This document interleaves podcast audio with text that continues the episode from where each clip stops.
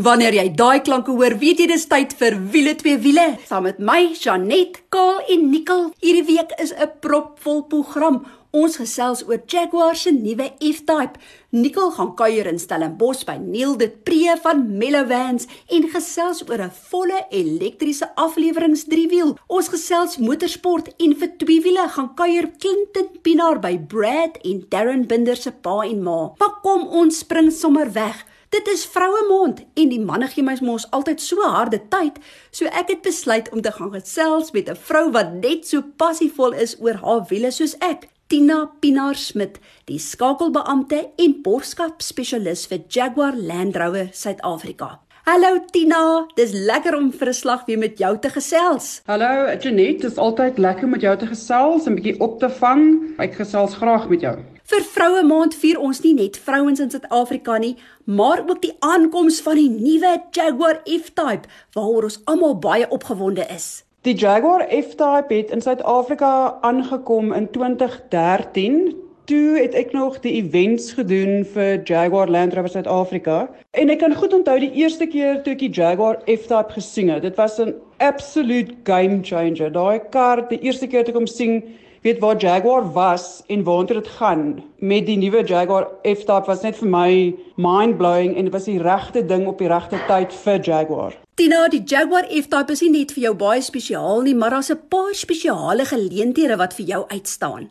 Janet, ja, die F-Type is vir my baie spesiaal en 'n geleentheid wat vir my regtig uitstaan is so 2 jaar terug het ek die ondervinding gehad om die Jaguar F-Type op 'n gefriesde meer te bestuur. Ons was in Arjeplog wat 'n klein dorpie is en dit is waar die Jaguar Land Rover Ice Drive Academy is. En van al die karre wat ek daar kon bestuur nê, om 'n Jaguar F-Type op ys te kan bestuur en die vryheid wat jy het, al die capability van die Jaguar F-Type en die ek wil dit nou nie in Engels sê nie, but the power of the car and the capability and performance Dit was iets wat ek nooit in my lewe sal vergeet nie. En dan natuurlik nog 'n oomblik wat my uitstaan, al oor die jare wat ons Jaguar Mile Hill Climb gedoen het en dit is ook waar ek jou ontmoet het 'n paar jaar terug. Die Jaguar het baie goed gedoen gedurende hierdie event. Dit is die enigste hill climb in Suid-Afrika. Ja, so dit was ook vir my baie spesiaal geweest. Dan was ek ook gelukkig genoeg om vroeër hierdie jaar voordat die hele wêreld af en toegesluit is, kon ek die nuwe Jaguar F-Type bestuur in Portugal. Dit was ook weer een so once in a lifetime experience. En ek moet vir jou sê wat my opgeval het van die nuwe Jaguar F-Type. Die detail van die kar, obviously die performance en die geluid en klank en geraas van die Jaguar F-Type, dit is al die dinge wat 'n F-Type 'n F-Type maak. Maar om in Portugal deur hierdie klein dorpies te bestuur, in hierdie kanarrie geel Jaguar F-Type met die swart Jaguar badging op. Dit is net daai kar jy moet dit sien in die verkeer. Almal kyk vir hierdie kar. Hy pop heeltemal uit daai geel en black pack. Dit is 'n absolute droomkar. En um ja, ek hoop ek kan die geleentheid vir jou gee om eendag die kar te bestuur. Kyk Tina, net om te hoor hoe jy passievol die kar beskryf en hoe dit vir jou was om die kar in Portugal te beleef. Kyk, Ek kan nie wag om self die F-type te ervaar nie. Maar daar is nog kraakvars nuus. Vertel.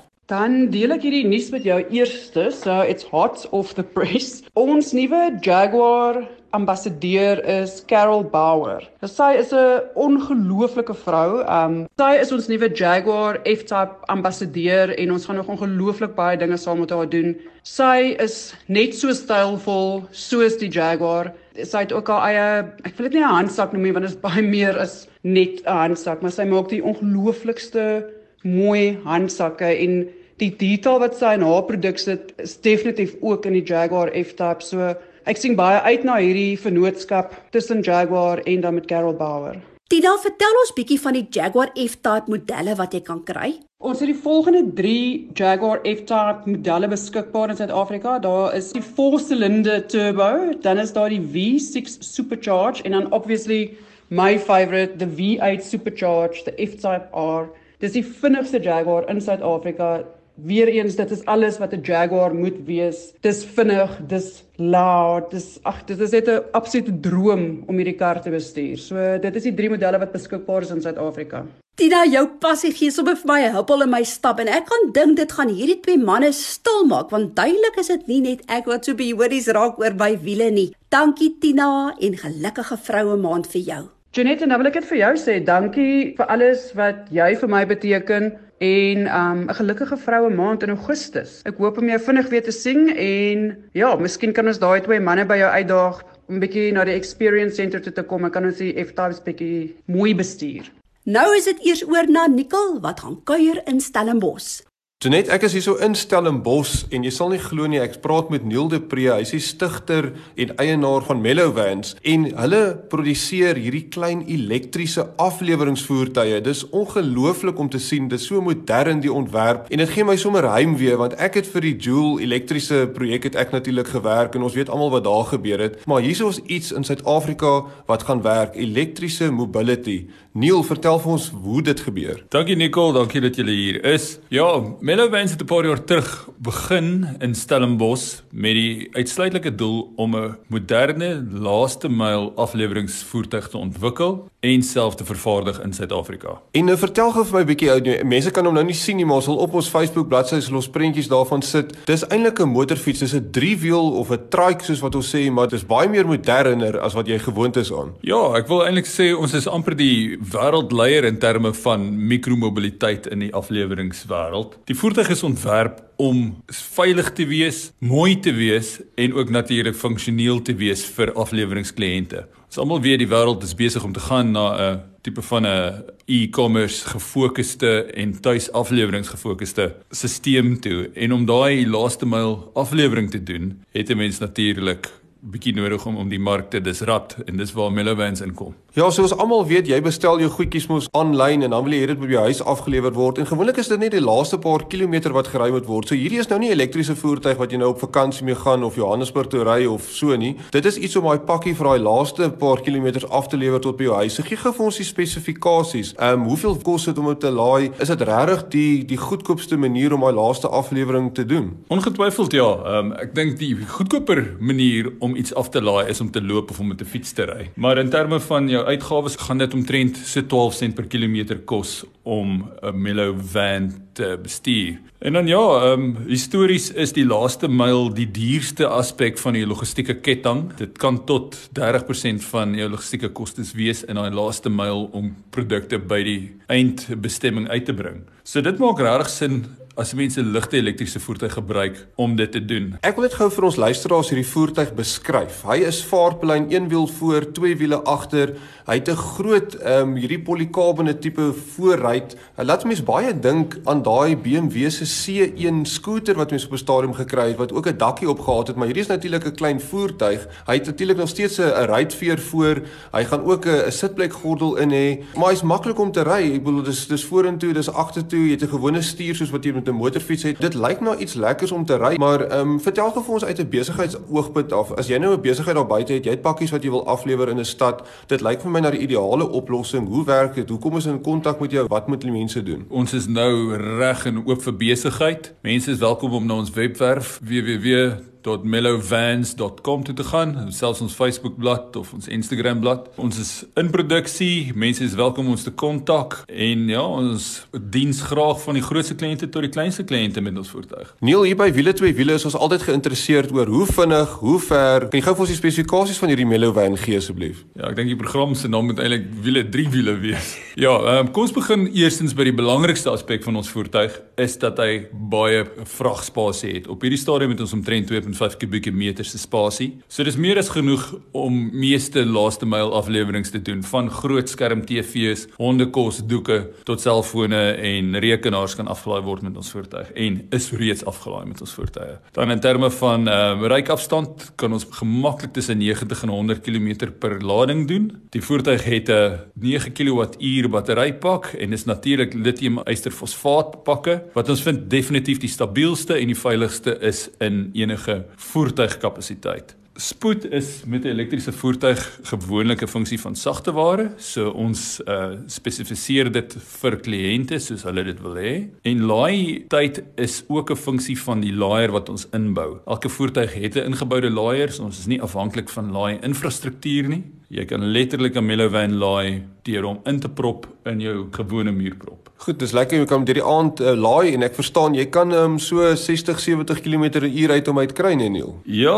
ehm um, dit hang af van wat die kliënt wil hê, maar die voertuig kan tussen 60 en 70 km/h bereik. Maar mens weet natuurlik dis nou net vir die laaste myl aflewering tussen die woonbuurte en goed, so dis perfek vir daai toepassing. Neil, ek wil net vir jou sê baie dankie vir jou tyd en uh, ons gaan definitief weer met jou opvang. Ek weet daar's groot dinge op pad. Jy het al 60 van hierdie voertuie afgelewer en die ontwerp gaan heelwat verander. Ons gaan weer terugkom en ons gaan eene ry en ons gaan weer op wiele twee wiele hieroor praat. Baie dankie. Om meer uit te vind oor Mellowvans, besoek www.mellowvans.com www.motorsport.com. Nou is dit eers tyd vir motorsport. Na 5 maande was dit uiteindelik tyd vir die Suid-Afrikaanse veldren kampioenskap om weer te begin met die Bronkies 400 in Bronkhorstspruit. Die ren is gewen deur Henk Lategan en Brett Cummings van die Toyota Gazoo Racing Suid-Afrika span met hulle Toyota Hilux. Jy sal onthou so 2 weke terug het ons vertel van Ty Perry wat navigator sou wees vir Brian Baragwanath in sy Century Racing CR6. En as jy wonder hoe dit met hierdie span aangegaan het. Hulle het uitstekend klaar gemaak in die vierde posisie. Kom ons hoor bietjie wat sê Brian.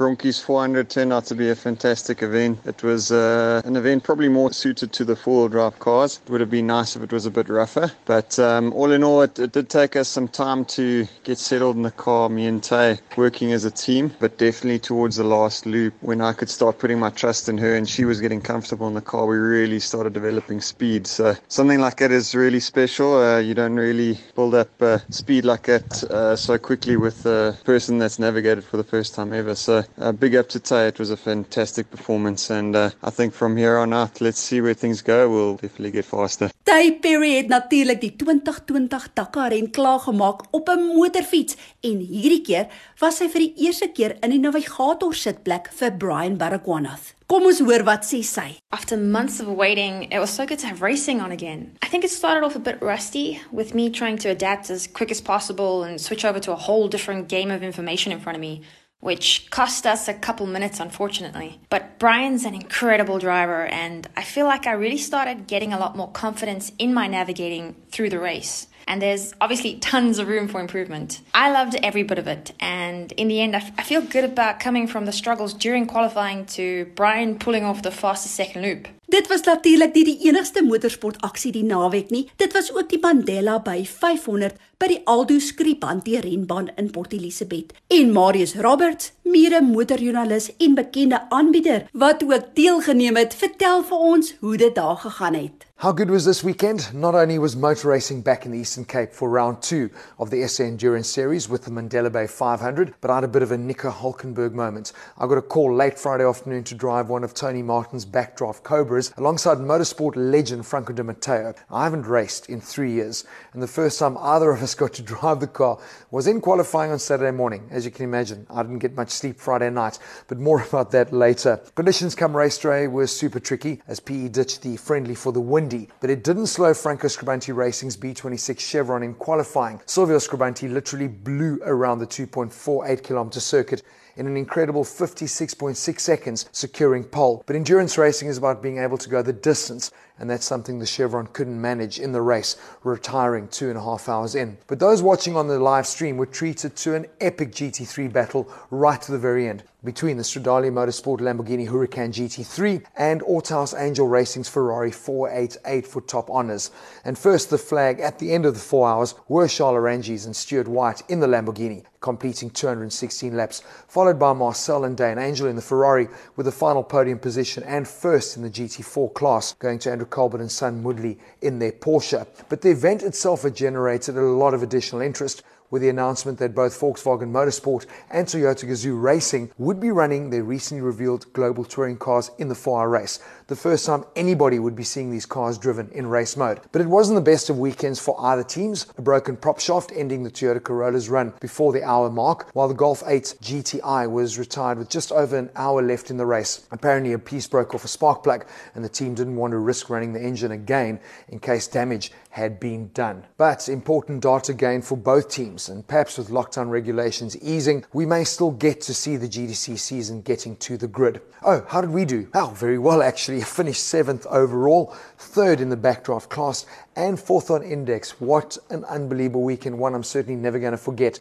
So, a massive thanks to Tony Martin for trusting me, and especially to Franco. What a true legend who taught me so much. But also, well done to the organisers and to Algoa Motorsport Club. It's certainly not racing as usual with COVID regulations and protocols in place, but they really did a fantastic job putting a brilliant race weekend together. The next round of the SA Endurance Series is in East London on the 5th of September. See you then.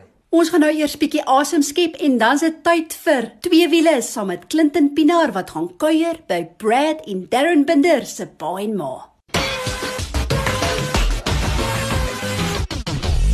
Ja, en as jy 'n vlekvrye stal uitlaatstelsel soek al uh, as jy hom wil stilhou of as jy 'n bietjie weer jou kar moet praat, moet jy definitief 'n draai gemaak by Powerflow Belwel.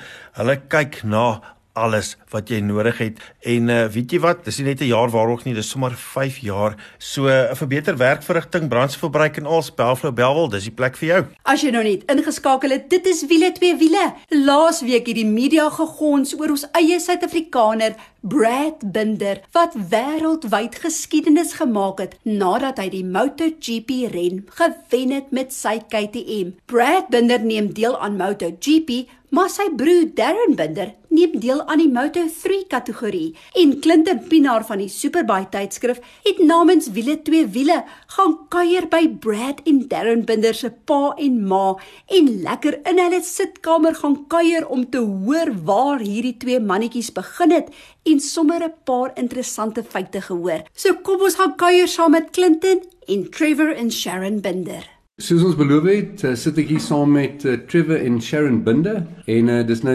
direk nadat uh, Brad sy uh, wedren gehad. So al die luisteraars baie welkom. Trevor, so I want to just start firstly congratulations. I'm sure it's been a, a long path for you guys to uh, try and get here. Where were you guys watching it? We were watching it at home. I must tell you, when uh, he won, I, I, could almost not watch the last three laps. I'm sure it must be worse for you guys, but uh, in his post race interview, when uh, he made a comment that just he wishes his parents would, I actually got almost emotional. It must have been, I'm sure you must have cried like a baby. too, yeah. Okay.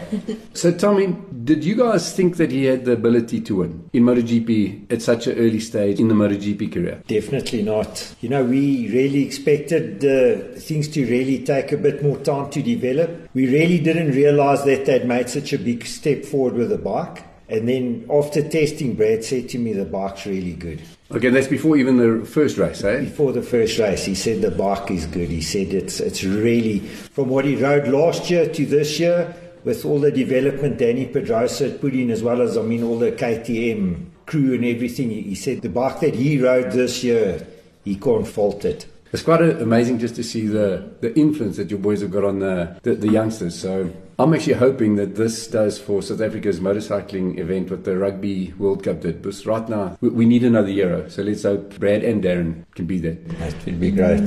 Can I ask you, so in my opinion, Darren's too big for a Motor 3 bike, or is there no limit? There's no limit, but he's the heaviest in, on the Motor 3 at this stage, yeah. And like Jack Miller did the jump straight from Moto 3 to MotoGP, what are the chances that that would happen with Darren? I don't think that would ever happen for Darren. You never say never, but first of all, we're in a, a low budget team there. You know, we're not really one of the chosen riders in the field, you know, so it's, it's really difficult for us. It's still at this stage. A lot of the teams go testing, and that Darren's team doesn't test, they race. That's it. Eh. And then just the, the, the, move up to Moto 2. Do you think there's a chance that he'd get into the Moto 2 team for next year? Well, with this COVID, it's going to make it very difficult because usually on a Thursday, that's when the team managers arrive and they organize meetings and, you know, to chat to different teams and maybe discuss this rider with different teams. Maybe they'd be interested. But right now, no managers are allowed to come to the track. Now that everything's trying to be done over phone and it's really no. difficult. I know about the kids starting on go karts. Can you just give us a rundown, Sharon, of where the boys started? Because it was actually Darren that wanted the go karts first. Yeah, Darren wanted the go karting, and how old? Brad. How old is Darren? Five. Five. Yeah. yeah. At five, so Brad would have been seven, and we went to golf to go karts, and Brad wanted to do motocross riding. But when we got to the go karts for our first race, we bought Darren a new kart and Brad a new off road bike. But uh, he ended up starting karting with Darren because he just wanted a kart when Darren was karting. So that's where it started. But once they became South African champions in 2004, four and five, huh? Yeah. They decided after that they wanted motorbikes. So that's when they were big enough, really, to start that 50cc class that High school high school boys. boys. Yeah, yeah, I actually remember. And then they, they moved up to 150s, eh? 150s, yeah, and then 125s, and then 600s. Yeah. Yeah. But as a mom, has it bothered you that the boys are in motorbikes? No, that's the way it's always been. It doesn't bother me. Yeah, that's what they wanted to do, and it was always a family together, always been at the track. When you guys decided that the boys needed to go to overseas, at a stage you had to move to Yeah. Spain, or was it UK first? No, Spain. Trevor did the UK races with him, but always came back to South Africa. Um, So, so yeah. just up and down, eh? For every Yeah. For the rookies, it was mostly up and down, Trevor and Brad. But then once he started in 2012, full season, first GP season, I moved with him to Spain. And, and can I ask you why Spain? Were, he had a friend, James Flitcroft, in the rookies, and they lived in this little town in Spain that they said was very English. So at least we knew somebody in the town if we ever needed anybody, and it was a lovely little town. So that's where we stayed. And what age was Brad when you took him over to Moto 3? 16. 16. So he couldn't drive to all the racetracks. I always had to hire the car and fly with him, hire a car, go to the racetracks, and get him back to Spain every time. And then where did the relationship with KTM then really start? Because he had Red Bull rookies. Now, Brad had a three year contract with Red Bull, and then when that finished, before his season was even finished in Red Bull rookies, uh, MotoGP already offered him wild cards. Yeah, in 2011. He did his first wild card in it was Japan, eh, the day after he turned 16. Because you had to be 16 in those days to take a, to ride. The, the 125 class. Yeah. Just go to how the relationship with KTM then started. That seems to be a match made in heaven, just from what we see as the outside watching TV. eh? Yeah, 2014. So what actually happened was they signed him in 2013 already, and that was before the mid-year break. That's how early things happen. And Yeah, Miguel yeah. was his teammate. He was the number one rider, and then obviously Brad had to learn to ride the bike and all of that. It was quite difficult, and then uh, they started developing the bike so that it suited Brad. Can, can I ask you something? And uh, I don't mean to, to divulge any of the KTM, but it seems like when KTM has a team, like when he went into Moto 2, that Oliveira was the number one rider, or even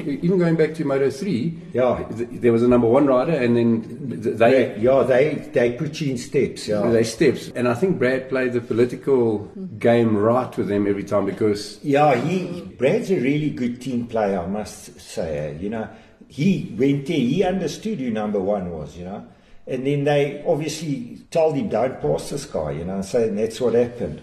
So that does happen, eh? Yeah, it does It, happen. does yeah, happen, eh? yeah, so uh, yeah. it happened in Motor. 3 and Motor 2. Yeah. Look, it also depends where you're lying. I mean, when the racing starts, whoever's got the most points, they obviously want to win a world championship, so they can't keep throwing points away, you know. So that's what it's about. Look, and, and I must tell you, I've spoken to you in the past that Brad has long runs. You know, like if he goes and tests, Yeah. he'll stay out for like eight or ten laps, where some of the other guys will do like three or four hot laps and come in. Yeah. And I actually thought that maybe that's giving Brad a, a good feeling of how the bike is on fairly worn tyres. That's exactly what Brad likes to do. He likes to work on consistency and, you know, to see how the bike handles. Brad mentioned on how many people are working at uh, um, KTM, and I think I saw you last year at some stage, and I said I was a bit nervous that he was going to sign for KTM. I actually thought at that stage that it would be better if we went with a Yamaha or a Ducati or something. Because I always thought that the KTM was a second, second and a half off. Yeah. But you actually said something to the line that the guys there are so committed to this MotoGP program that they are chucking Yeah, everything at it, and that the guys know what it takes to win the world championship. So, just quickly tell me how, how big is the KTM contingent that's working on the MotoGP? The MotoGP, the amount of people working in that pit is ridiculous. There are so many people, and as Brad said in his interview, that they're all grinding away and everybody's perfecting every little part, and that's why that bike's so good. You can't believe it when you walk into that pit, how many people are in there, and they're all busy doing data and this and that, and analyzing every single item on the bike. Your Brad even said that they leave like nothing. Nothing, nothing, nothing. And that's one thing with KTM, you know, that I've realized over the years. They committed, eh, and when they say they're going to do something, they do it. And I mean, I think Brad just arrived at exactly the right time. I mean, look look at the bike. But it, the project's only in its fourth year now, eh, you know. Yeah, it's it's, it's, So- it's actually scary the the amount of Yeah, progress that they and, made. and Brad said from last year when he tested their old bike to this year, the progress they've made with Danny Pedrosa and all of the, their new modifications is it's like day and night. Yeah. Ken, Ken, also just going on Danny Pedrosa, do you think Danny Pedrosa had a very big influence with getting the bike more rideable? Because last year the bike had the power, Yeah. but it didn't seem like they could put it onto the track, getting out of corners. It just it looked like it was a, a bit of a beast to ride. Yeah, no, look, Danny Pedrosa, Brad said, has definitely taken them to a, a, another level. Okay, guys, so uh, thank you very much for allowing us to come into your house and sharing a bit of the Binder workings. Pleasure. Dankie Clinton, ons het verseker daai kuiertjie saam met Brad en Darren Binder se pa en ma gate uitgeniet. Besoek bietjie ons wiele twee wiele Facebook bladsy, dis so maklik soos wiele twee wiele en ons is op Instagram ook. Maar dis al vir hierdie week se program. Dis van my Janet. Maar tot volgende week. Hou daai wiele aan die rol.